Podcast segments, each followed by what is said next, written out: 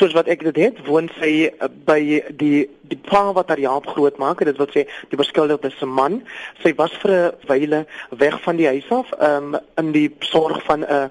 ek dink iemand wat betrokke is by die provinsiale departement van maatskaplike ontwikkeling, maar sy het daarna self besluit sy wil eerder terugkeer na die huis waar sy groot geword het. Wat is die situasie ten opsigte van haar naam op die oomblik? Daar's 'n hofbevel verkry dat die media of ek neem dan nou maar aan niemand anders ehm um, die identiteit of die ware identiteit van die dogter bekend mag maak nie. Maar jy weet natuurlik dat mense in die gemeenskap weet van die begin af of van dat die storie uh, rigbaar geraak het, weet hulle van watter kind gepraat word, watter huis dit is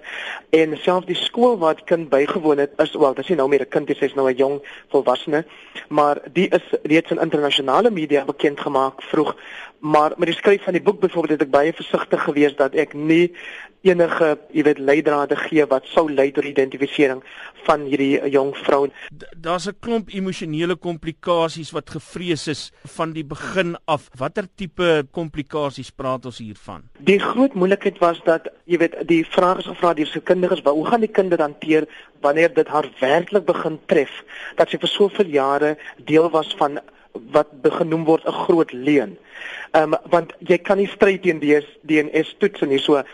en sy het toe nou begin om 'n verhouding te bou met haar biologiese ouers.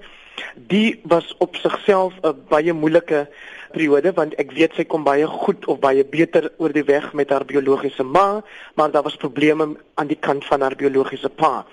En wat uiteindelik gebeur het is dat sy nie haar matriek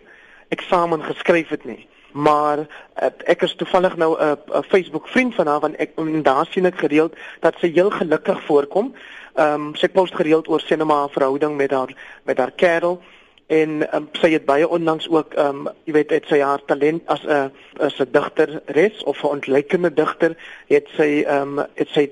toegewys op haar Facebookblad met 'n gedig oor ehm um, wat ek aanneem uh, vir haar dan nou grootmaak ma is en ehm um, so so die wat wat wel duidelik daar uitkom is dat sy bly geheg aan haar die die vrou en die man wat haar groot gemaak het. Maar ek weet dat sy en dit sien ek ook gereeld op Facebook dat sy 'n baie goeie verhouding met haar biologiese ma het en die ander kinders wat uit daai huwelik gebore is